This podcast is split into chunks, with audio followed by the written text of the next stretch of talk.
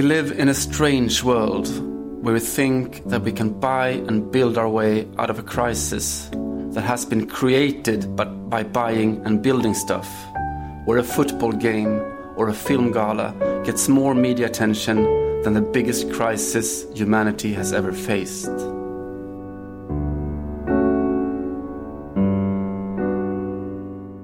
Sådär, käraste Johanna Frändén i Paris. Vi börjar veckan här med att osäkra alt-right-rörelsens alla defibrillatorer. För det där var ju ett par meningar ur Greta Thunbergs tal vid Goldene Kamera-galan i Berlin häromveckan. Mm. Och just idag, om ett par timmar eh, då när vi spelar in det här, så kommer Time Magazine hålla sin stora gala när de presenterar hela sin hundralista då kring världens viktigaste personer det senaste året. Så jag tänkte bara fråga, sådär, vilka fotbollsmatcher har du kollat på i veckan? Eh, hörru du, det har ju varit en lång, lång vecka sedan vi hörde senast. Det känns som att jag har kollat på nästan hur mycket som helst. Men ja, det, var ju, det var ju några Champions League-matcher där som gjorde någonting med ens eh, hälsa och välmående. Eller kanske med ditt framförallt. Jag eh, var ju mest så helt slut efter att ha sett eh, Tottenham spöa skiten nu, det är väl kanske att ta i, men skicka City ut ur turneringen på det kanske grymmaste sätt man, man någonsin har sett. Jag satt där lite och tänkte på dina invändningar mot VAR och undrar hur mycket du, hur liksom din så här populistiska VAR eh, mm. eh, eventuellt slog över. Jag kan säga att jag, för mig ändrar det ingenting. Jag tyckte att det var, jag tyckte det var för grymt helt enkelt och absolut för liten eh, marginal. Och dessutom så, om man nu verkligen ska eh, gå in på detaljer, så fick ju eh, Fernando Llorente ett mål där domaren inte hade tillgång till den bästa vinkeln för att se om det var hans eller inte. Eh, I momentet innan. Så att det var ju ganska mycket tur får man säga för eh, Tottenham. Men tur förtjänar man ju, eller hur? Eh, eller tur kanske man skramlar ihop till över 40, 35 svåra år, är det så? Eh, ja, lite så. Alltså, det där är, var ju fascinerande på jättemånga sätt såklart. Dels då att jag, jag satt hemma och såg matchen med, med hörlurar på. Med sovande barn i närheten och sådär. Vilket ju gav en liten extra edge. Att allt man vill göra är att skrika. Men, men eh, det fick jag inte riktigt. Och sen så, så dör jag ju. Och eh, apropå defibrillatorer. Snyggt sidsteppat förresten när jag körde Greta Thunberg. Och du gick glatt in i fällan att prata om, om fotbollsmatcher. Mm. Eh, istället för att jag prata om det var, som, Jag trodde det var VAR du skulle, hon gick igång på det här i början. Men så var det, det kan ju lätt ha varit det. Mm. Eh, men, eh, och sen så får man då hjärtat startat om igen och så blir det något helt, eh, ja, i mitt, i mitt liv som, som fotbollssupporter som då levs parallellt med mitt andra liv. Eh, någon, någon sorts extas såklart. Eh, men ja, och det, jag fick ju såklart en del reaktioner efteråt. Ja, men vad, nu, vad säger de VAR nu då? Det är inte så jävla dåligt va? Aguero to Sterling, this is it! The ball's in the net, Sterling's done it! Well, it's ruled off for offside. Can you believe it? Någonstans så är det väl så att jag har landat i den här konstiga vanan med, med tänkande och så att jag försöker tänka med med huvudet och inte med känslorna så mycket. Så att man landar ju väldigt snabbt i att inga av de här argumenten som man som man, som jag har mot VAR eh, har ju fällts av att Tottenham råkar få ett, eh, ett bortdömt mål med sig Nej, eh, genom VAR-systemet. Snarare tvärtom, att jag tyckte, det, tyckte det var helt sinnessjukt sätt att avgöra en fotbollsmatch på. Ja. Jag tycker att det var, ja, jag, jag upplever liksom ett, eh, i mitt supporterskap ett av de största ögonblick jag varit med om i hela livet. Och jag hade helst sett att det aldrig, aldrig ägde rum. Eh, mm. Faktiskt. Mm. Det, jag tyckte den bästa sammanfattningen av alltihopa kom på sociala medier efteråt när någon la ut en, en stillbild av det här Marco Tardellis eh, vulkanexploderande under VM-finalen 82. Eh, när han då gör det klassiska målet och firar som en som en galen besatt människa och eh, så skrev någon bara en, en bildtext till att vänta lite, vi ska bara kolla VAR-bilderna först. Mm. Uh, helt, uh, helt uh, åt, åt fanders på precis alla sätt utöver då att i det här fallet råkade rätt lag i min värld vinna matchen då. Mm. Förlora matchen på rätt sätt. ja, just det. så, men det, alltså det intressanta med det, utöver då hela VAR-diskussionen i efter efterbörden kring den där matchen är ju eh, de enorma brösttoner som tas till då. Det, eh, alltså lite vill jag koppla till någonting som vi, som vi pratade om före förra avsnittet. Då, då stod ju eh, Notre Dame i brand. Och när vi liksom pratade om vad ska vi snacka om den här veckan och så, så, så skojar vi lite om att men, musik, vad, vad kör vi där? Men, vi kör Firestarter eller vi kör uh, Burn Motherfucker och sådär. Mm. Uh, och fnissade lite och sa att, nej men okej, okay, kanske too soon, som man säger nu för tiden. Mm. När, man, när man skämtar lite osmakligt och lite för tidigt och så. Eh, och det visade sig snabbt då att ja, men det var inte alls too soon, för sen så vart det en i ankdammen här en stor sak av att eh, Alexander Schulman var ute på sitt Instagram med en bild av branden han skrev äntligen punkt. Eh, ett sånt där, ja, ett provokativt eh, skämt såklart. Eh, och det tog, tog, hus i helvete på överallt. Eh, alla, alla fnissar inte som du gör. Eh, Nej, men jag blir bara så här, men alltså, vad, vad, ja, ibland så känner jag lite så här, jag tycker inte det är så mycket om den här eh, generella, du vet, har folk inget liv. Men ibland känner jag verkligen att den är på sin plats. Det, det finns ju också någonting med så här, oj, här simmar jag runt i eh, en liten fiskdamm och här har någon stängt ett jätte, jättebete där en krok sticker upp. Det måste jag hoppa på och se hur det smakar. Um, Ja, nej, det, var väl, det fick väl väntad eh, och önskad effekt eh, antar jag. Men det, är ju, det går ju inte riktigt att ignorera det faktum att det är rätt många i svensk offentlighet just nu som lever lite på att eh, svälja idiotiska beten och eh, spela liksom indignationsteater. Och väldigt många som också lever på att kasta ut den där typen av beten förstås. Liksom. Men, jag det borde vara svårare att provocera än sådär. Det borde vara svårare ja, att provocera. ja, det borde krävas lite mer. Det är väl det som är så här, men det går ju också lite i linje med min eh, tes att eh, nästan alla de här eh, gapigaste, mm, liksom faktaresistenta rösterna som ju finns på eh, Twitter och de går ju hela vägen in i, i Sveriges riksdag. Det framförallt, framförallt finns det ju ett uh, gäng, två, tre moderata riksdagsledamöter. Eh, mer kanske än sverigedemokrater om man ska vara, vara helt uppriktig. Och eh, en jävla massa ledarskribenter och, och så vidare. Som bara säger, alltså, eller som kanske som, som väldigt ofta skriver saker som inte är sant. Eh, eller mm. kastar ut sig saker som, som de inte har någon, något, eh, som helst, eh, någon som helst täckning för. Och eh, det spelar ingen roll, för, de, för de, deras följe är liksom inte faktakritiskt på något sätt. Alltså det räcker att du säger någonting, liksom att du säger någonting kritiskt om muslimer eller miljörörelsen, eller ja, Greta Thunberg för den delen, så kommer de bara stå och applådera vad du än säger. Medan på den andra sidan, liksom den majoritetssidan ändå, någonstans av debatten, så finns det massor med olika skolor, det finns massor med olika mm, ideal, alltså ideologiska inriktningar. Och man kommer ifrågasätta även de som alltså på det stora hela är demokrater för att de inte gör sitt jobb ordentligt. Nej, här presenterar du fel fakta. Men mm. det är så otroligt tidseffektivt att vara alt-right. Eh, var eh, Katarina Janouch eller Ann Heberlein eller vem du vill. För att man, man, man behöver liksom inte komma med någonting som är sant. Alltså det är ju otroligt, eh, återigen, tidseffektivt för att folk ifrågasätter inte det. Det är mycket, mycket lättare att tillgodose den mobben än någon annan grupp i samhället egentligen. För de kommer aldrig säga, fast här tror jag du hade fel på en marginal, eller hur har du satt ihop de här bilderna egentligen? Eller, det, det existerar inte liksom. Nej, det är väldigt olika spelregler på något sätt. Mm. Eh, Precis. Faktiskt. Och det, ja, men lite är det väl, jag ska snart återkomma till min, till min ja, vagt rosa tråd har det blivit nu. Men, men mm. eh, att alla vill vara en, en, del av en story, det är där man har landat. Alltså, det är därför som du, alltså, du har Ukrainas presidentval nu eller vad som helst. En, en komiker och skådespelare som har spelat president eh, på tv blir, mm. blir president. Eh, eller Donald Trump för all del, eller, eller vad du nu vill ha. Eller också Macron i Frankrike, liksom, att du vill vara en del av, av framgångsrörelsen. Du vill vara, få din del av det och sen spelar allting annat väldigt mycket mindre roll eh, i någon form av diskussionsunderlag eller intellektuell debatt kring det. Eller så. Utan det börjar röra på sig och då, då är man där och hänger på mm. som en fotbollssupporter ungefär. Mm.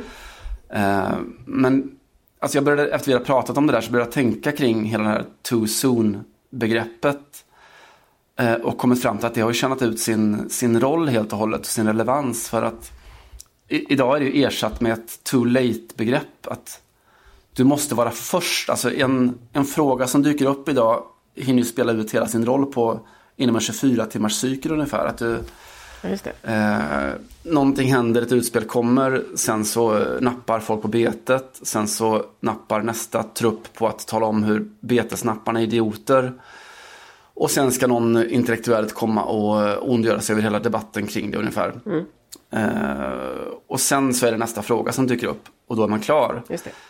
Eh, det är ungefär som om man, om man skulle ställa samma krav i en, i en privat situation så hade det varit, varit ungefär att min, eh, min, eh, jag vet inte, min kusin dog igår. Då får jag vara ledsen i exakt fyra och en halv minut. Eh, sen så måste jag bli arg på att jag är ledsen och ta upp hur, vilken idiot min kusin faktiskt var en gång för tio år sedan. Eh, och sen Måste vi hitta någon att- som ligger bakom hennes död också.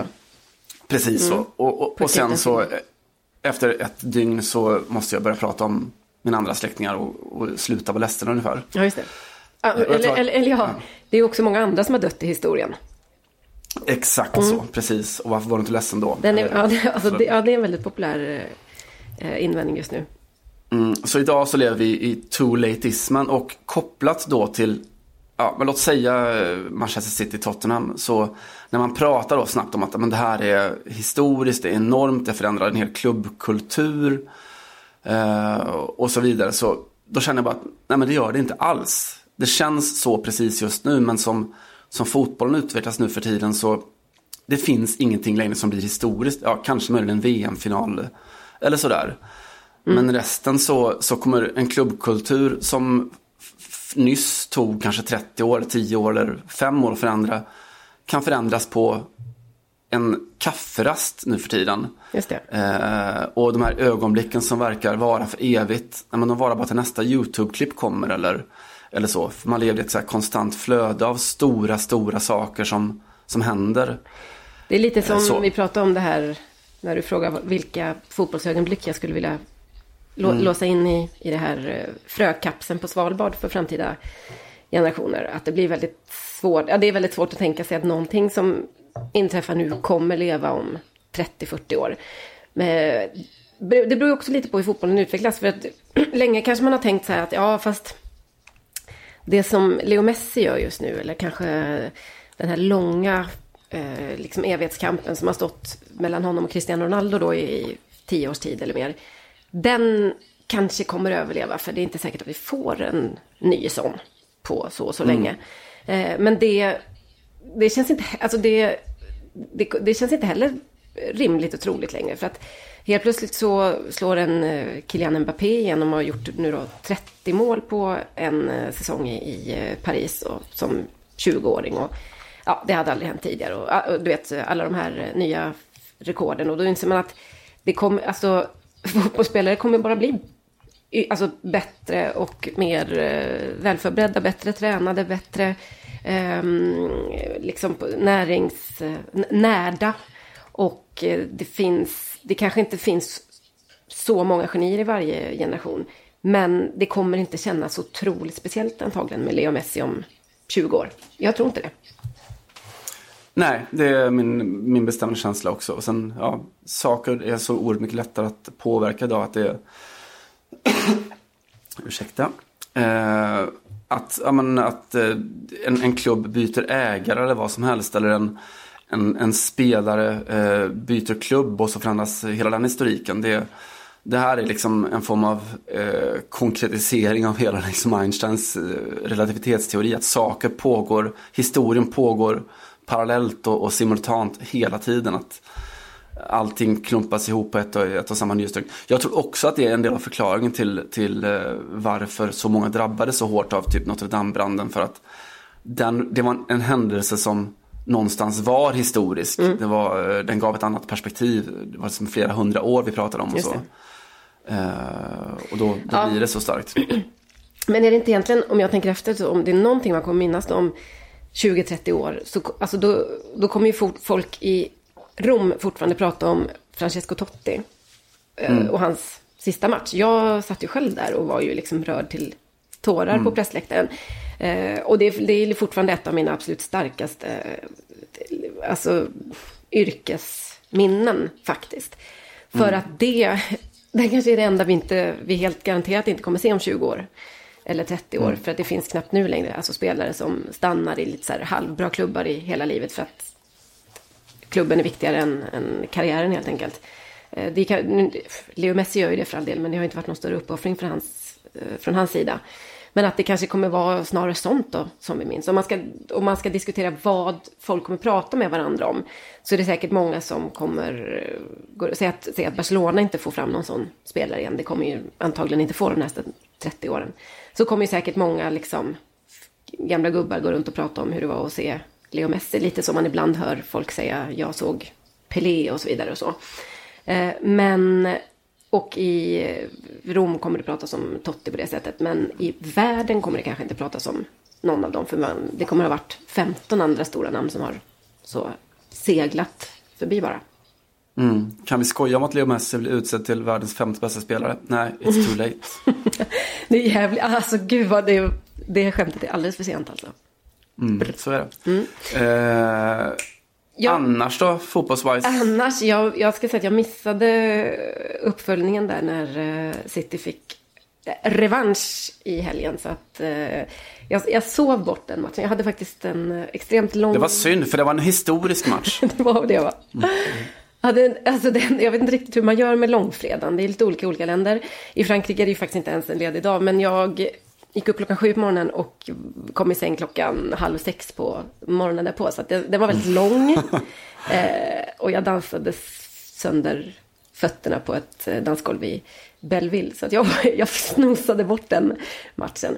Eh, jag återkom dock eh, lite senare på, i helgen när det var dags för Champions League på damsidan. Eh, Lyon slog ju Chelsea, men bara med 2-1. De hade ju en mm. Eh, ganska så rejäl dominans i den matchen. Men klantade sig väl eh, lite grann. Chelsea gjorde ett väldigt fint eh, reduceringsmål för att, efter, efter att ha bränt en straff. Och nu får de åka till London, Lyon då, som ju är stor favoriter att vinna hela the whole shit som, mm. som Hamrén brukar säga. Eh, ändå med lite nerver då, får man, kan man väl tänka sig. Det var en, men det var en bra match ändå.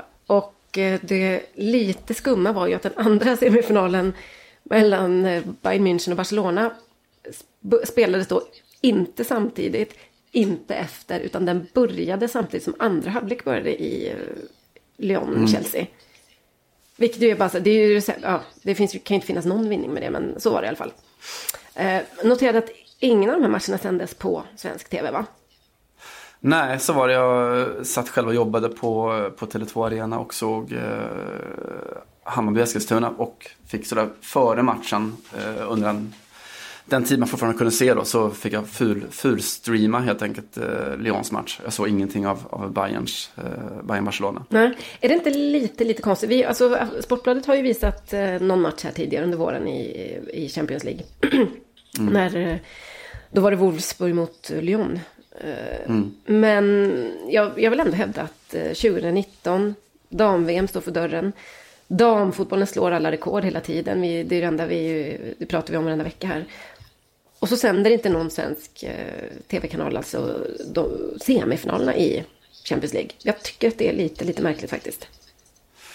Jo, det är klart att det är det. Eh, alltså egentligen oavsett vilka måttstockar man använder. Det är klart att kanske inte då är omedelbart eh, ekonomiskt lukrativt och, och sändare och sådär. Men det finns ju andra värden. Alltså om du då ska sälja in ett VM till exempel så finns det ju ett värde att du presenterar eh, profilerna. Ja, det, alltså det nu, liksom. jag tänker att det kan ju inte vara Nej, det kanske inte finns så mycket pengar att tjäna, men det kan ju inte vara jättedyra rättigheter att köpa. Det Nej. känns ju inte som att det blev inget för att ingen orkade upp liksom, och orkade liksom fram med plånboken, utan snarare att det bara lite har fallit mellan stolarna. Ja, lite märkligt. Ja, lite märkligt. Mm. Man hade velat se, det är ju fascinerande, man har ju alltid till när, man, när hon bröt igenom på scenen, om Delphine Cascarino i, eh, som, som bär ett namn som förpliktigar på något sätt. ja, det, du tänkte på Delfin då eller? Exakt. Men hon är lite ja, men, så, men hon är, alltså det, hon är väldigt fin på att utmana sådär på eh, ja okej okay, det kanske inte egentligen är något framträdande för delfiner när jag tänkte efter. De kränger kanske inte så mycket. Eh, go on Simon, ja, det var, jag hade bara ett väldigt dåligt inspel. hon är fin att titta Svagt. på. Ja, supersvagt. Ja, man, man, man, undrar lite om hur ofta hon har fått frågan om, eh, om hon är släkt med Tony Cascarino. Ja, vi, eh, vad ska man gissa, då och då? Då och då känns som, de ska väl inte vara släkt i alla fall va? Jag gör en supergoogling här och ser om vi kan... Eh, ja, jag, jag, jag, är ganska säker på att jag gjort, alltså när, när hon först slog igenom att jag gjorde en, en googling och, och där det framgick väldigt tydligt att, att det inte var Nej, han har tre barn men ingen som heter Delfin. Just det. Inget. Och ingen som heter Estelle. Hon har en tvillingsyra också som är landslagsspelare. Mm. Eller har gjort landskamper i alla fall. Mm. Mm. Får se om hon kommer med till VM i VM-truppen. Ja. Delfin då, inte Estelle. Och inte Tony. Det var faktiskt eh, till slut publikrekord för en Champions League-match på damsidan. Som inte var en final. Nu börjar vi slå lite knut på oss här då. Mm. Men detta kommunicerades ut i alla fall. 22 000 någonting tror jag hade letat sig till Park OL eller eh, Gropama stadion som, ni, som den också kallas. Eh, ett annat damfotbollsrekord slogs i helgen när Espanyol tog emot eh, Atletico Madrid i eh, den högsta, spanska högsta divisionen. Och eh, det hade rekordet att slå då skulle Barcelona haft med eh, 12 000 åskådare ungefär. Och det kom då lite drygt 20 000 till Espanyols hemmaarena. Mer än vad jag tror att herrlaget har tagit i snitt i år. Så jämförde man det i alla fall. Espanyol förlorade till Atletico Madrid som därmed har guldläge i, eh, i eh, vad heter det, i titelracet där det är två omgångar kvar. Eh, det intressanta med detta tyckte jag var utöver allt det andra då att det har ju hänt mer i Spanien än, än någon annanstans det här året. Vi har pratat om det ganska många saker på damfotboll, ganska många gånger skulle jag säga, på damfotbollssidan. Men en journalist på tidningen Ass Ivan Molero har grottat ner sig lite i detta och eh, när vi pratar om rekord på damsidan. Och eh, hittat en turnering som spelades 1971 eh, i det, det, skulle vara, det skulle varit ett rekord i Katalonien ska jag säga för mm. damfotboll och inget annat. Men 1971 så spelades det en turnering mellan fyra katalanska damlag då. Det var, det var Barcelona, Espanyol, eh, Sabadell och Sant Andreu som är förorter respektive små katalanska orter. Eh, och eh, det rapporteras att det var 30 000 på Camp Nou faktiskt. För den sista matchen som eh, spelades då.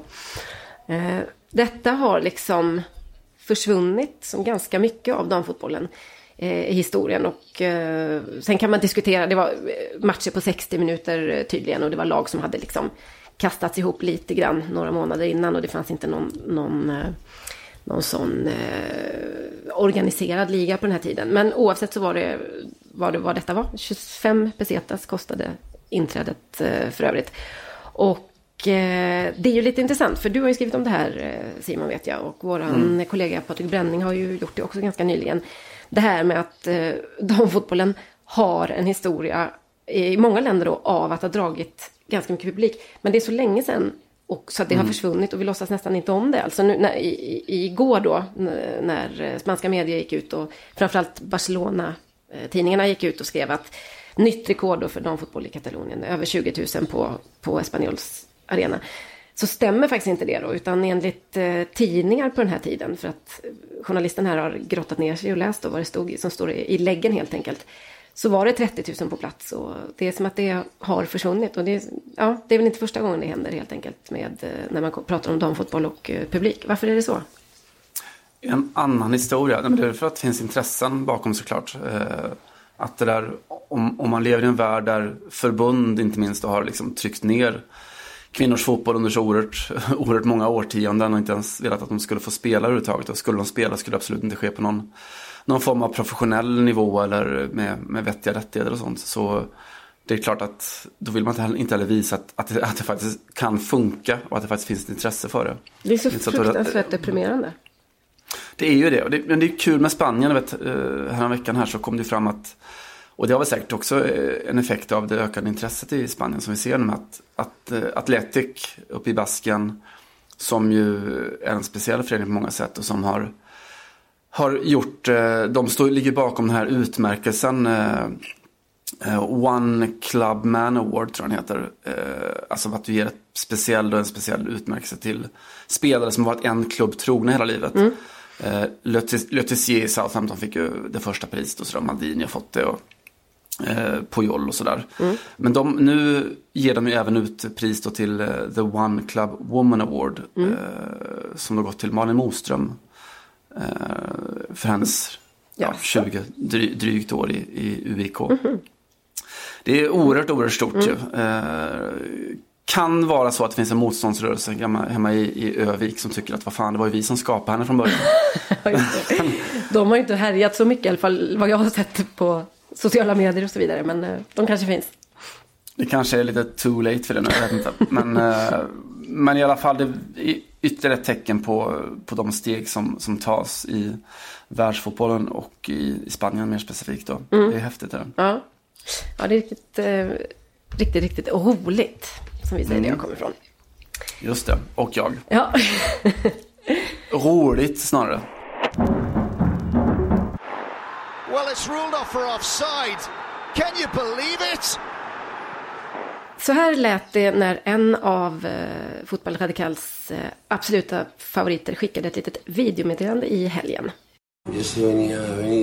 Hola muchachos, a todos los despedidos de Clarín. Esto Yo se venía a venir. Esta gente no tiene ni palabra y chupa sangre. Yo les mando un abrazo enorme. Los quiero mucho, muchachos. Cada gota que dejo en una cancha o cada, o cada presentación, los tengo en mi alma porque sé que no es la primera vez que Argentina está así. Diego Armando Maradona som alltså skickar en liten hälsning till de 65 journalister som hotas av uppsägningen på den eh, argentinska tidningen Clarín. Eh, Maradona har alltså valt att eh, solidarisera sig med de här eh, trabajadores i trabajadores. Arbetare och arbeterskor, vad man ska säga. Eh, hej på er och eh, en hälsning till alla som får sparken från Clarin. Eh, från dessa blodiglar kan man inte förvänta sig bättre.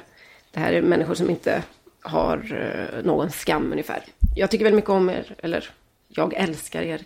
Jag ger er en stor kram och eh, jag har, ni har en plats i min själ. Varje svettdroppe och eh, varje match vi spelar eh, finns ni med oss. Jag vet att det här är inte första gången. I Argentina fungerar det helt enkelt så här. Jag simultan översätter lite grann här från spanska. Men det är ungefär det som Maradona säger. Jag vill hävda att det här är speciellt på ganska många sätt, Simon. Dels så är det inte mm. någon nyhet. Vi har ju diskuterat Maradona tidigare i, när vi har pratat om våra kamrat nummer 10. Alltså de ganska så få, men ofta i Sydamerika hemmahörande fotbollsspelare som har en eh, tydlig eh, radikal agenda och som har någon form av politisk profil. Eh, och det hade man kanske kunnat vänta sig av Maradona, även om det är ovanligt också att kanske kliva ner så konkret. Men här skickar han alltså dessutom ett meddelande till journalister då, som håller på att hotas av eller kommer att sägas upp. Jag kan inte minnas att man har fått många sådana här genom åren när det har varit sparpaket och, och stålbad på Aftonbladet. Det är inte, det är inte så liksom att eh, Zlatan står där och skickar ett eh, meddelande och, och, hoppas att vi ska överleva och att vi finns med i varje droppe svett som han svettas på planen. Jag kan ha missat någonting för sig men det, visst känns det som att det här är lite unikt ändå. Oftare tvärtom i så fall. Hoppas ni dör och får sparken allihopa. Exakt så eh, nej, det, det, passar fint in i hela Diegos eh, väldigt tydliga och kanske inte alltid dunder djuplodande vänsterprofil så. Eh, och att det ändå något, finns ju något förlösande i att han, han eh, låter den, det perspektivet i alla fall vara, vara så pass brett så att det även kan omfamna det fall där, där det är journalister som hamnar illa ut på, på arbetsmarknaden på en, en eh, pengajagande kapitalistisk arbetsmarknad. Mm. Eh, klart man gillar det. Ja, det, jag tycker det är väldigt fint. Det sägs också att, eller jag läste någonstans att uh, han dessutom har bestämt sig för att inte dela med sig av några nyheter till Clarin. För tydligen har han väl haft någon eh, nyhetschef där, eller ja, vi låter vara osagt vem mm. det var, som han brukar så att säga förse med notas, då, nyheter lite då och då. Eh, det är en bra källa kände jag först och främst. Maradona ringer och berättar lite, så skvallrar mm. lite. Men i, återigen då i solidaritet med de som får sparken så tänker han strypa den kranen nu. Det är ett hårt slag kan man säga. nej, jag vet inte. Det var, jag, blev så, jag blev både så glad och ledsen över hela den här historien. Men jag, jag tyckte det var... Eh, vi som mest känner Maradona de senaste åren som en lite liksom, alkoholiserad och narkomaniserad eh, och lite urspårad typ. Eh, det här var en påminnelse om att det finns, eh, det finns ju verkligen en människa bakom allt det tragiska och grandiosa någonstans.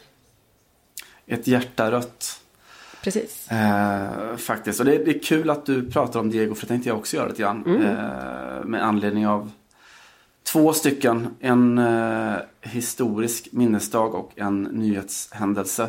För det var nu i helgen, i påskhelgen så var det exakt 30 år sedan eh, fotbollshistoriens, eller det som är fotbollshistoriens bästa uppvärmningssekvens. Ja, just det. Eh, den där, eh, som säkert alla sett. Napoli hade slagit FC Bayern hemma i, på San Paolo med 2-0 och skulle åka till München för att bevaka resultatet. Det var semifinal i Uefa-cupen.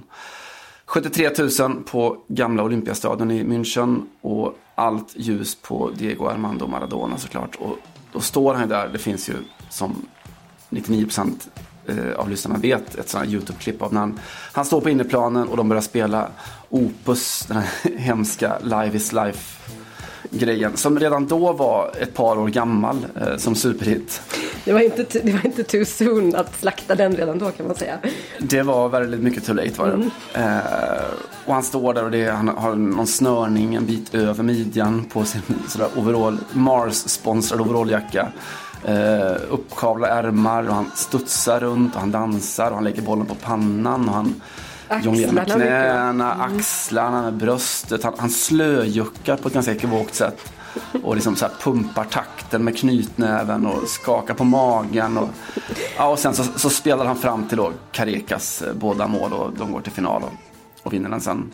Frökapsen på Svalbard, eller hur? Ska något alltså in, rätt, så, rätt ja. in ska den. Ja. Rätt in. Och här har vi kanske då ändå ett liv, även om det var, inte fanns YouTube och sånt på den tiden, så är väl det här det ett av väldigt få klipp som inte är matchklipp men som ändå har överlevt i så, så mycket så att vi faktiskt firar 30-årsdagen. För jag har sett det på ganska många håll att det har hö högtidlighållits.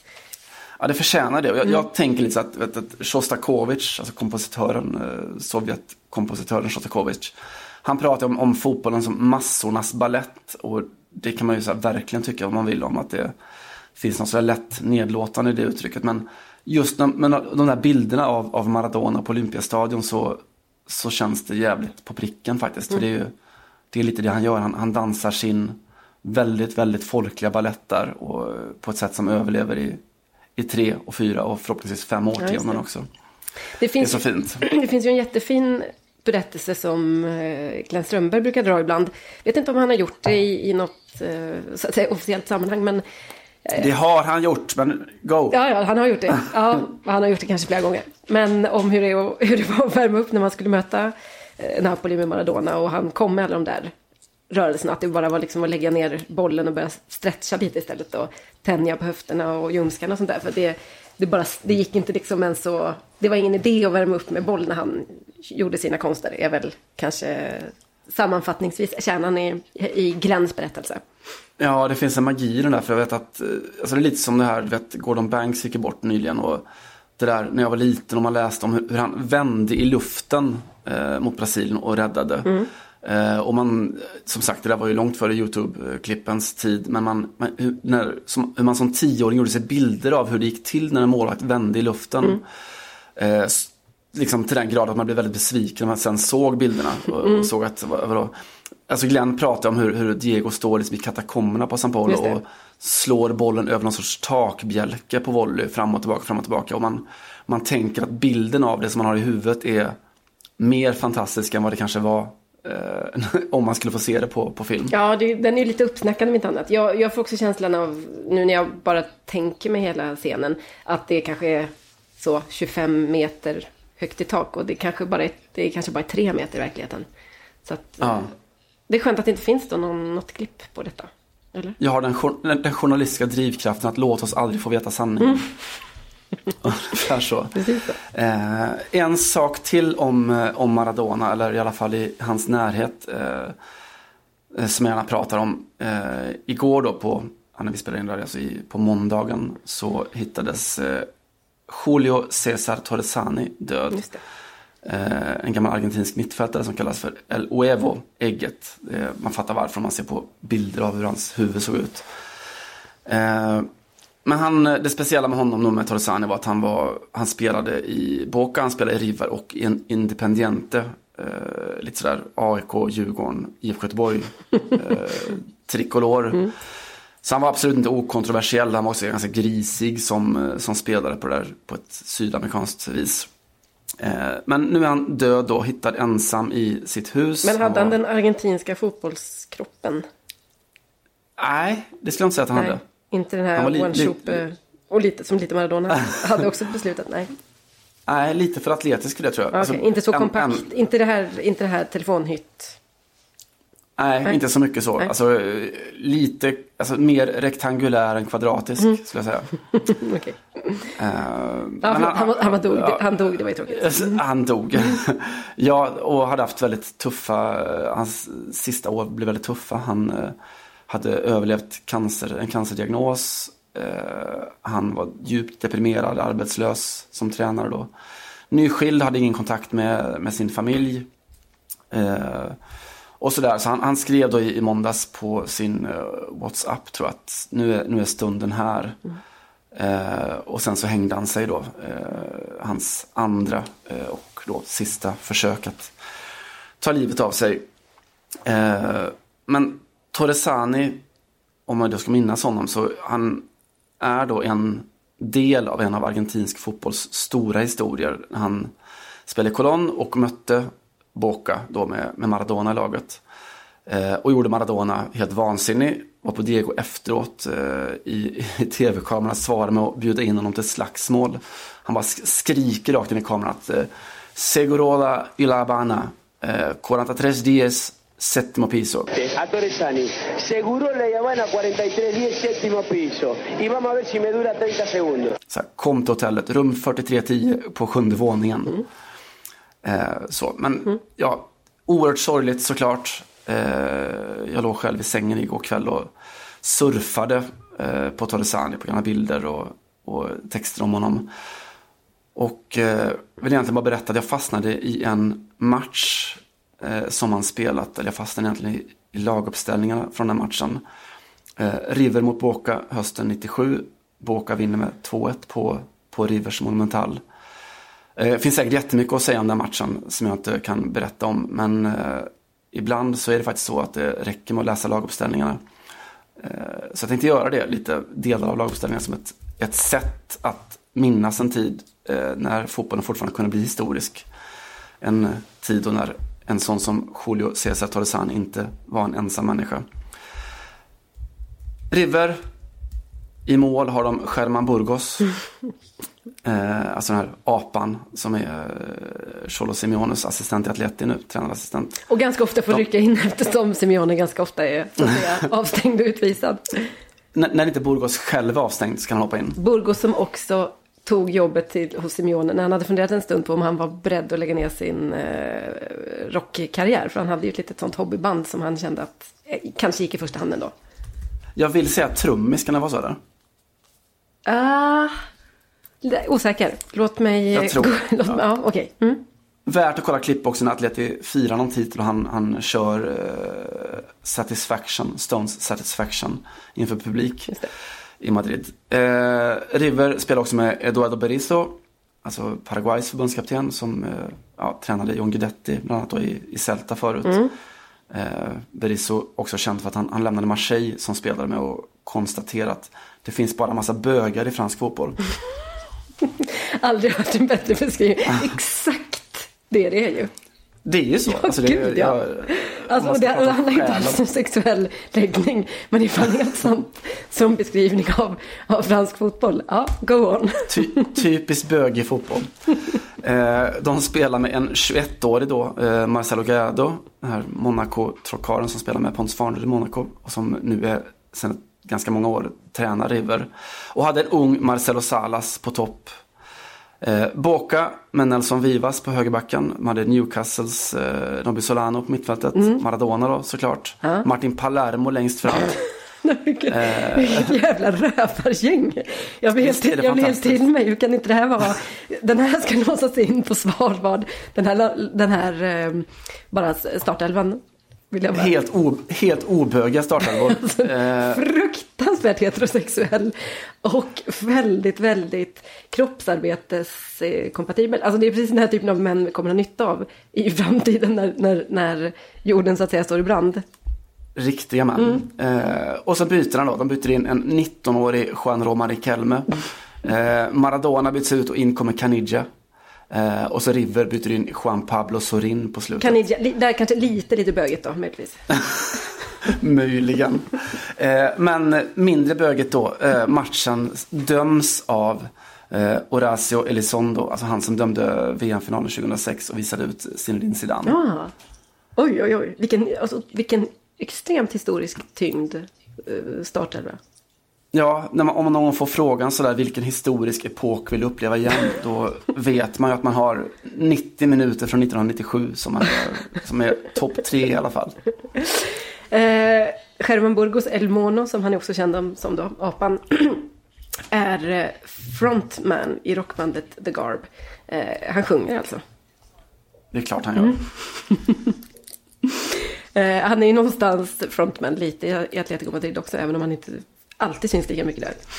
Eh, mm, mm, mm.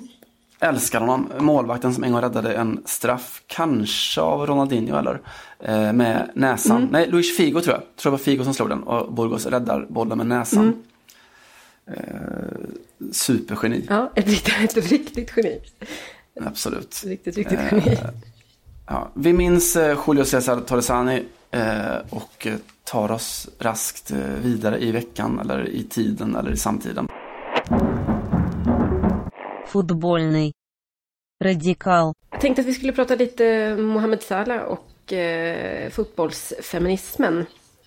Det var ju nämligen så att tidningen Time eh, publicerade en intervju med Salah i den här veckan. Där eh, bland mycket annat så pratar han ju om lite om hur det har varit att vara vad ska man säga, förgrundsgestalt för egyptisk fotboll och ja, problem som kommer med det här. Men att han har börjat känna att han kan gå in i rollen och, och inte känna så mycket press och, och så vidare kring detta. Eh, den är obögig, den egyptiska fotbollen för övrigt. ja, det kanske man får säga. Men vi ska ju inte glömma det heller att Salah var hamnade ju i en väldigt prekär situation under fotbolls förra sommaren när han blev enligt egen utsago då liksom placerad bredvid den här tjetjenska ledaren. Eh, på tal om homofob. Och eh, Salla tycker att han blev ju utnyttjad då i, liksom, som politiskt slagträ där då. Förstod väl inte riktigt exakt vem den här personen var, varför det inte var riktigt var lämpligt. Ni, ni minns det där allihopa. Eh, så här sa han i alla fall till eh, Time, bland annat. We need to change the way we treat the woman in our culture. I support the woman more than I did before because I feel like she deserves more than what they give her now at the moment. That has to be. It's not optional. It has to be. It's not optional. Hey, I'm Ryan Reynolds. At Mint Mobile, we like to do the opposite of what Big Wireless does. They charge you a lot we charge you a little. So naturally, when they announced they'd be raising their prices due to inflation, we decided to deflate our prices due to not hating you. That's right. We're cutting the price of Mint Unlimited from $30 a month to just $15 a month. Give it a try at mintmobile.com slash switch. $45 upfront for three months plus taxes and fees. Promo for new customers for limited time. Unlimited more than 40 gigabytes per month. Slows. Full terms at mintmobile.com. Mm. Eh, det här är ju inte kan man tycka, ord som hade chockat någon eller ens förfört någon om de hade kommit från vad vet jag, vem som helst i, eh, i, i vår lyssnarskara till exempel på Twitter. Men eh, Simon, visst, visst är det här någonting eh, alldeles extra när en man och förebild som Mohammed Salah yttrar om, det kan vi väl enas om. Det är klart, alltså ställningstaganden handlar ju alltid om att det ska kosta någonting för att det ska vara, vara värt någonting. Och, alltså Salah, visst han kommer från Egypten med då klara totalitära drag och, och en, en väldigt sån eh, ja, bakåtsträvande i väldigt många av de här frågorna.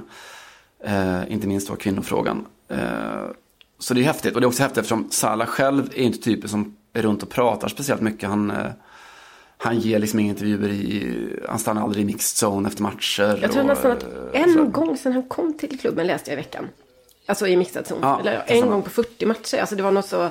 Mm. Jag hade ingen aning om att han var så uh, otroligt restriktiv med det. Men eh, det är sant att man ser honom väldigt sällan uttala sig. Ja, och därför så betyder det rätt så mycket när han eh, kliver ut och, och säger någonting som, som faktiskt på hemmaplan kan kosta honom en hel del. Eh, och som också, han, han är en global stjärna ju, såklart, muslim, eh, förebild där, i Egypten, i England eh, och så vidare. Och tar då upp en, en fråga som är, som är global på, alltså om det någonsin har funnits en global fråga så kvinnofrågan är ju verkligen det. Eh, som är så oerhört stor men som inte har varit så oerhört stor i, i fotbollsvärlden. Så klart att det är jättestort att han gör det. Alltså den har ju varit otroligt ignorerad i fotbollsvärlden, förutom på damsidan då. Föga förvånande. Men jag menar, det här är ju någonting som... Eh, ganska ofta så försöker man ju slita ur fotbollsspelare eh, någon form av åsikt om någonting. Och det kan man ju få ibland. Eh, om det närmar sig ett riksdagsval i Sverige så kan vi i alla fall lita på att, i alla fall tidigare då, Pontus Wernbloom skulle säga någonting om Sverigedemokraterna. Och, ja, det, Zlatan finns ju där för att prata om rasism eller Jimmy Durmaz och så här. Men det här, och du säger att det, det kostar någonting för honom med, med rötter i Mellanöstern.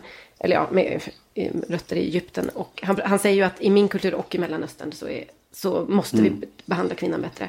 Eh, jag vill ju hävda att det, att det betyder någonting och att det kostar någonting även på eh, Premier League-nivå. inte, för att, inte för att någon ut, skulle gå ut och säga det här är något jag, håller inte jag med om. Men för att, de, för att det fortfarande råder en sån extrem maskulinitetsnorm i brittisk fotboll som går ut på att vi tar inte den här typen av frågor för det är töntigt eller det är för kladdigt eller det är eh, ja, kanske lite bögigt då, som, om, ni, om vi kan använda det i, lite- i den lite bredare bemärkelsen.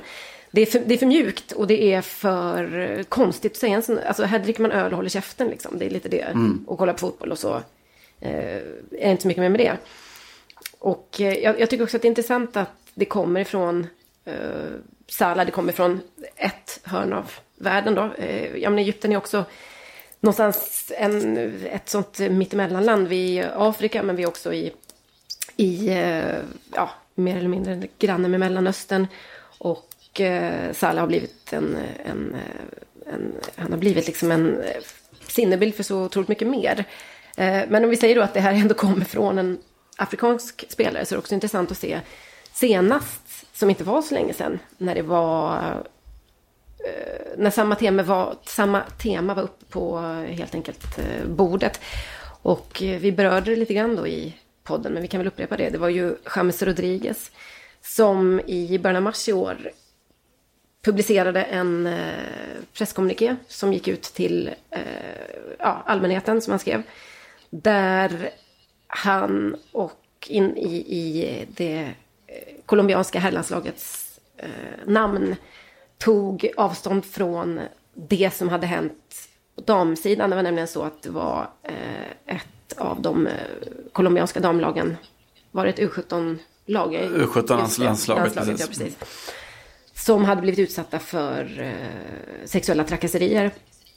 Eh, och eh, gjorde ett eh, jättestarkt uttalande, Rodriguez då, där han säger att vi tar avstånd från all tänkbar och fördömer all, all tänkbar handlande som ehm, försvårar och eh, som försvagar den fysiska integriteten men också den mentala och den emotionella integriteten hos en kvinna.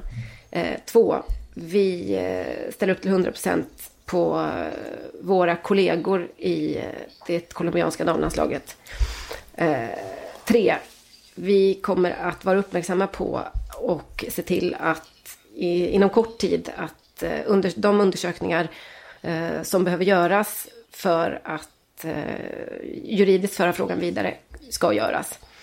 Eh, fyra, den eh, f- eh, damfotbollen helt enkelt ska fortsätta att växa och utvecklas och ha precis alla garantier. Eh, och eh, detta ska förekomma i alla kategorier och alla åldersgrupper. Eh, och det här är... Och i den, i den här frågan har både ledningen och spelarna vårt fulla stöd. Förlåt att jag svamlar lite, jag sitter här och dire- direkt översätter det återigen.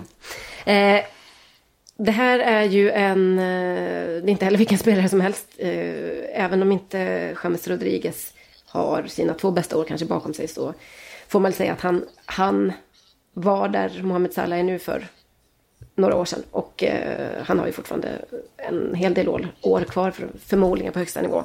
Eh, det är en sydamerikansk spelare. Nu har vi varit då i Afrika, vi har varit i Sydamerika. Och det börjar väl bli ganska uppenbart, eh, Simon, att det här är inte en fråga som drivs bäst i hos jämställda eh, män i norra Europa som man hade kanske kunnat tänka sig. Nej, och det är någonstans talande. Alltså vi, vi, vi kom ju in på, på Sala mycket för, på den här intervjun som han har gett då till, till Time Magazine. Och, eh, eftersom han är en av de hundra på deras då årligen återkommande hundralista över världens mest inflytelserika personer. Och det är lite talande att det finns två fotbollsspelare med på listan. Den ena är Salah som säger så här. Den andra är Alex Morgan, eh, USAs stora stjärna på damsidan. Som också driver den här kampen. Eh, och då som bekant då favoriten till att vinna alltihopa enligt oddssättaren i alla fall då vår Greta Thunberg. Eh, att det är lite där vi befinner oss, liksom skärningspunkterna som finns nu, de stora samtidsfrågorna verkar då i mångt och mycket vara eh, å ena sidan klimatet å andra sidan jämställdheten. Eh, och att det inte är särskilt svårt att koppla ihop, koppla samman de två frågorna med varandra. är det i alla fall ganska lätt att se att de som tycker att det ena är skit tycker ofta så att säga att det andra är skit. Eh, det är också väldigt ont tror jag om övertygade feminister som inte tror på klimatförändringarna. Här är vi inne lite på det som vi pratade om med, med hjälp av Jonathan Unge och Ola Söderholm häromveckan. Det är lite tråkigt att det inte finns några så här jättegröna antifeminister. Det, det, hade varit, det hade varit intressant eh, bara för samhälls, samhälleligt. Men väldigt ofta så går det väl hand i hand, ja.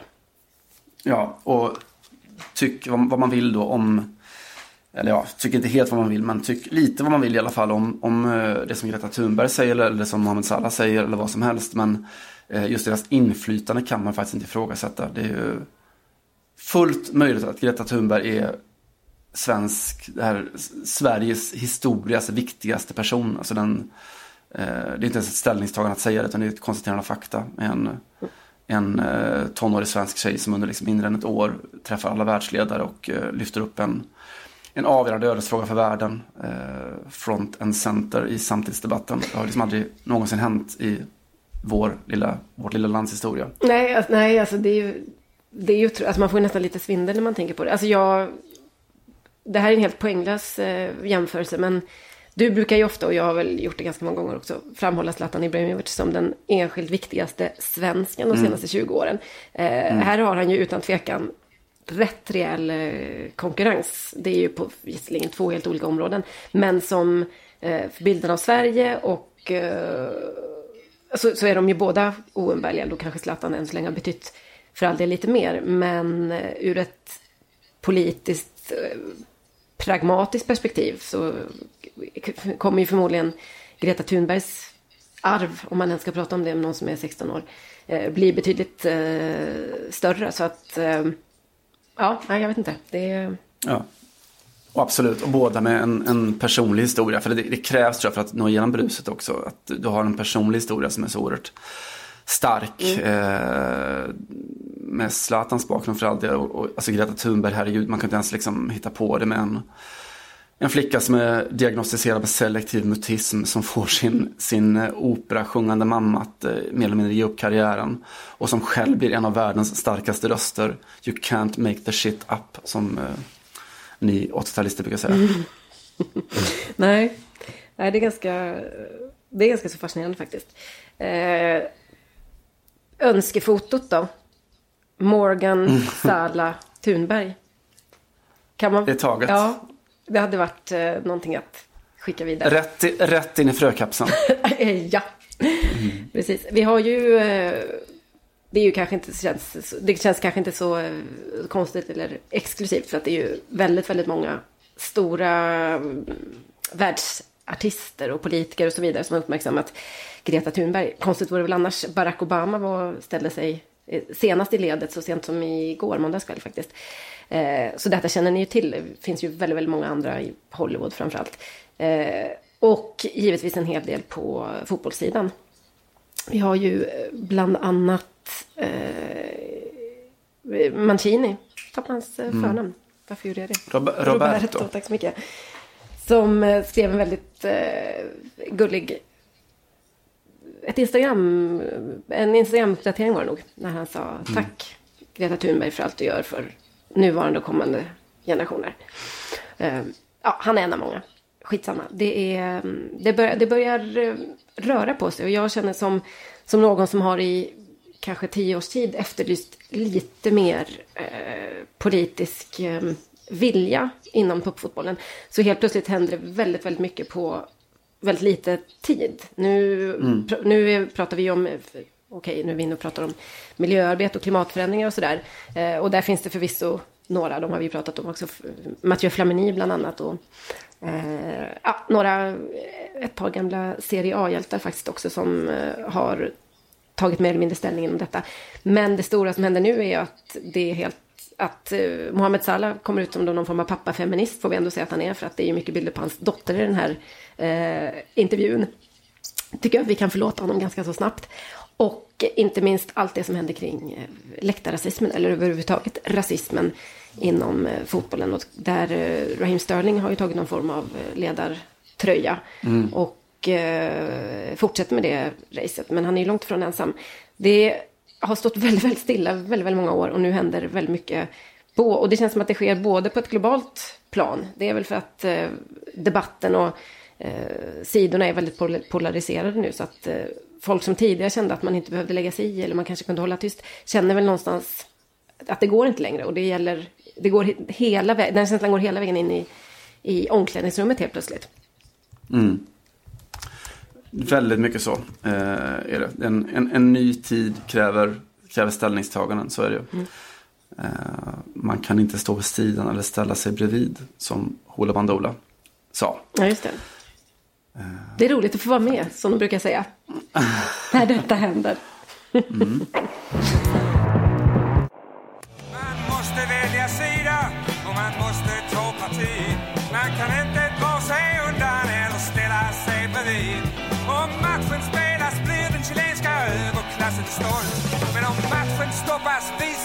vårt stöd åt Chiles folk. Stoppa matchen!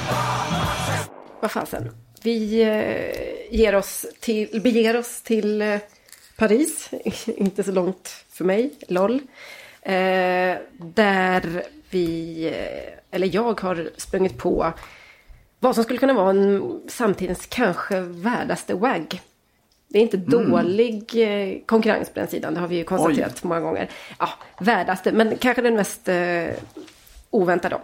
Paris FC, eller Paris FC, som eh, spelar för eh, uppflyttning till eh, första divisionen i Frankrike, har en eh, av sina offensiva mittfältare, Lalaina Namenjanahari, som tidigare spelade i Metz eh, faktiskt i Ligue 1. Uh, eh, han är inte så mycket ord om, tror jag, men han är gift med uh, Julian Eh, som är 27 år gammal och de har varit tillsammans eh, sedan 2009.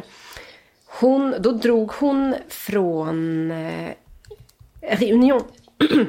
den, stora, den, den stora ön säger jag. Som eh, ligger i, eh, vad blir det, Indiska oceanen va? Som tillhör, eller som har starka band i alla fall till eh, Frankrike. Eh, hon kom nämligen in på en fin teknisk högskola i Paris. Och eh, lämnade då sin eh, man var han inte ändå, men pojkvän Laina bakom sig. Han spelade eh, fotboll på prof- professionell nivå då. På eh, Madagaskar. Hon, eh, på Reunion, just det, hon kommer från Madagaskar faktiskt. Och Och eh, han saknade henne så mycket så till slut så flyttade han efter till Paris och började spela för något eh, litet halvbra lag i tredje divisionen då. Tjänade väl en, kanske 10 000 i månaden kronor, inte mer än så. Eftersom han inte klarade, klarade sig utan eh, sin Julia.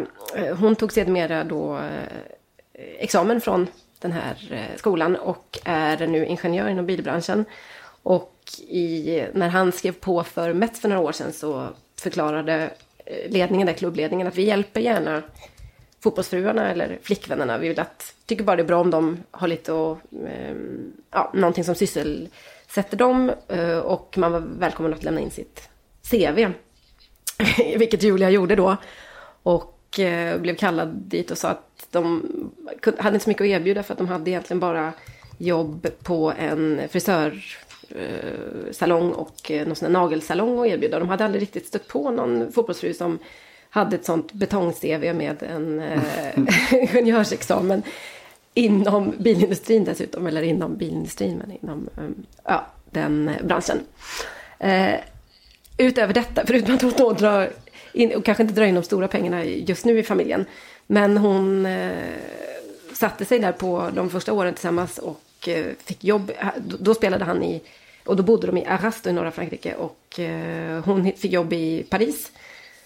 Så hon åkte fyra timmar fram och tillbaka, så två plus två med eh, tåget eh, till Paris för att jobba. Eh, jag brände upp egentligen hela lönen på, på tåget. Men det var jätteviktigt för mig att jobba. Det var det enda jag ville göra, att jobba och inte bli liksom någon fotbollsfru och, och sitta hemma. Och eh, sen dess så har de kunnat eh, kombinera det här lite bättre då. Så nu bidrar de väl ungefär lika mycket med detta. Hon är också hans agent och enligt både FC Paris och Mets förhandlare och sportdirektörer en väldigt, väldigt tuff eh, motpart som eh, vet vad hon gör. Ehm, jag vet inte, jag blev bara väldigt glad av att läsa om denna mycket eh, ovanliga familj och fenomenala WAG. Som jag ändå någonstans känner är kanske det jag vill mest ha med mig från den här veckan. Ska vi göra det? Romeo och Julia. Exakt så. Romeo och Julia Nomenia Nahari. Eh, inte som andra fotbollsfruar. Fantastiskt fint. Mm. Låt oss eh, komma ihåg att prata mer om Paris FC någon gång. Eh, vet att Pierre Ferracci, ägaren, eh, korsikan, eh, som är bästis med Macron. Mm. Eh, mycket värd att prata om. Eh, har blivit storpolitik även på Korsika. Eh, och är på väg eh, att göra stora saker med Paris FC. Just det. Eh, inte lika stora som Julia, men ändå. Nej, det, det kan vi väl slå fast. Eh, kultur. Jag har mest läst böcker som alla redan har läst den här veckan. Så jag ska inte gå in där utan förstarta lite med lite musik istället. Och gå tillbaka lite till, vi pratade om, om Maradonas uppvärmnings 30-årsjubileum. Eh, grejen är att jag firar också lite så här 30-årsjubileum alldeles snart. Eh, som sportjournalist faktiskt. Oj! Mm. Riktigt sjukt. Jag vet, jag vet inte om man firar sånt men det ska man väl på något sätt. Ja, man brukar väl få en Eh, liten eh, tröja på redaktionen, eller hur är det? Jag hoppas det. Eh, började på Borås Tidning. Eh, som var liksom en annan tid då ju. Eller hela medievärlden var i en annan tid med. Ja, det var så här rökrum på, på sportchefens rum. Och jag satt och skrev på skrivmaskin och läste in texter på telefon. Ja, och- och du gör en liten runa över dig själv nu, det är det som håller på att Mm, hända. det är precis vad jag gör. Det är exakt vad jag gör. Eh, Förtjänar att minnas. Eh, ja, det var så man gjorde. Jag vet inte, lät jag gammal nu eller? Eh, ja, lite grann. Jag, jag känner ju att vi är olika generationer då. För jag har ju aldrig varit... Ja, rökrum fanns ju på Aftonbladet för sig när jag började. Mm, Men inte på chefens rum. Nej. Det var, och det var inte heller så mycket spritflaskor kvar i de här utdragslådorna. Det fanns.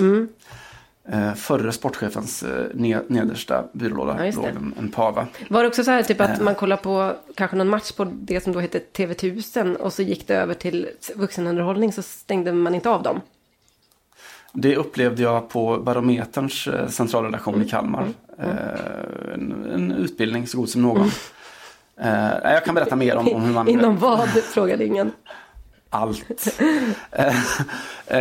jag kan berätta jättemycket mer om hur man vet, hämtade sin, sin blöta tidning från tryckpressen och sådär. Men det ska jag inte. Jag ska berätta om, på den tiden så, så skrev jag ju mest om något som vi kallade för serieronden, sådana här korta referat från Ultima fotbollen lokalt. Eh, nere i Sjuhäradsbygden. Man skrev om så här Rångedala och Hyssna och eh, Derome och Fritsla och vad det kunde vara. Och så skrev de Tvärred också, eh, bland annat. Eh, Tvärred som nu för en vecka sedan ungefär förlorade seriepremiären i division 5 mellersta Västergötland. 5-1, en riktig jävla fiaskomatch mot Sparsör. Men eh, kunde trösta sig med att Emir Bayrami är klar för klubben. Eh, det kan de ju behöva. Eh, men det, så där var i alla fall min relation till Tvärred eh, fram tills för några år sedan här när jag för första gången hörde en musiker därifrån som jag tänkte tipsa om nu. En kille som gör sina grejer hemma i en liten studio hemma i Tvärred ute i skogen. Eh, och som har ett sånt där extremt eh, engagerat following. Väldigt många av er känner säkert redan till honom. Men för alla som inte redan har upptäckt Daniel Norgren så vill jag i alla fall tala om och tipsa om att han släppte en ny helt otrolig skiva i förra veckan. Så den tycker jag att ni ska lyssna på. Daniel Norgren är mitt eh, kulturtips.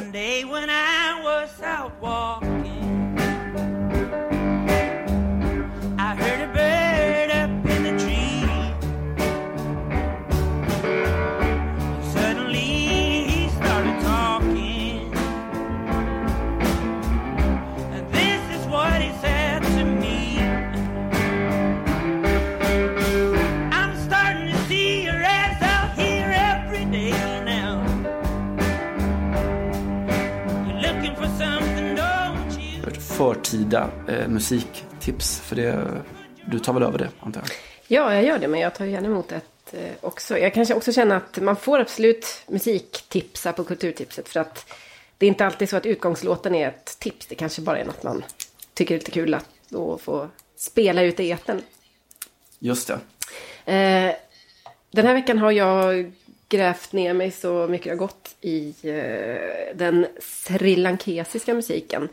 Vi, det var inte helt lätt att hitta några fotbollsrelaterade eh, nyheter till, eller nyheter, men överhuvudtaget eh, anekdoter kring det här, de här, ska man väl säga, fruktansvärda terrorattentaten som inträffat i, på Sri Lanka. Eh, fotbollen har ingen större plats där. Jag konstaterar att deras förbund ändå gick ut på Twitter och sa att eh, ja, inställda matcher förstås och alla uppmanar alla att, att hålla sig hemma. Eh, däremot har Sri Lanka en hiphop-scen som inte är helt oäven. Som jag sprang på lite av en slump för en tio år sedan kanske. Jag bodde i Rom. Eh, bodde tillsammans med en dokumentärfilmare som hade varit på Sri Lanka och bland annat eh, ja, informerat sig om detta helt enkelt. Eh, det här är, nu vet jag inte exakt vilket år den kom, men det eh, sägs i alla fall att den eh, absolut första låten som hiphop-låten då som sändes på srilankesisk sri lankesisk, eller lankesisk tv var eh, Brown Boogie Nations låt Lions and Tigers. Eh, Sri Lanka har ju länge plågats av inbördeskrig och eh, av många olika grupper som har varit i luven på varandra så har det ju varit då eh, The Tigers, då tamilska tigrar och eh, de andra Sinal, sin, ja, sinaleserna. Vilket betyder lejon. Ehm, eller från lejonen tror jag att det betyder. Det är en buddhistisk grupp i alla fall. Då. Eh, vi behöver inte gräva ner oss så mycket mer än så i vad som hänt i Sri Lanka. De flesta känner nog till det. Men jag tänkte att vi kunde ändå någonstans lyfta ämnet och lyfta humöret lite grann med eh, den kanske mest ikoniska eh, srilankesiska hiphop-låten. Kan hända att ni känner igen några av beatsen lite grann. Lions and Tigers med Brown Brigade.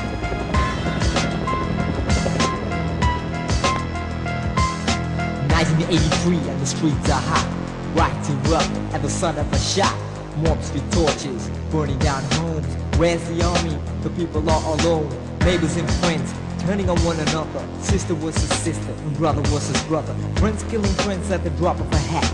Now why is everybody going out like that? Curfew in effect and the streets are quiet. But everything's one step away from a riot. Looters are looting, police are shooting. The country steps up to a war footing. Checkpoints everywhere, you got the ID. If not, you could end up in the penitentiary. House to house, the army keeps moving. But where are the terrorists they're pursuing? They're far away from the chaos they caused. The chaos that started cause nobody paused. This whole war is about rupees and cents, but the first casualty of war is innocence. Lions and tigers, lions and tigers. Hey, everybody wants to be the king of the jungle. Lions and tigers, lions and tigers. Everybody wants to be the king of the jungle. Just another year, another month, another day. So many people died, this is what we gotta say. The decent of war, the lions and tigers.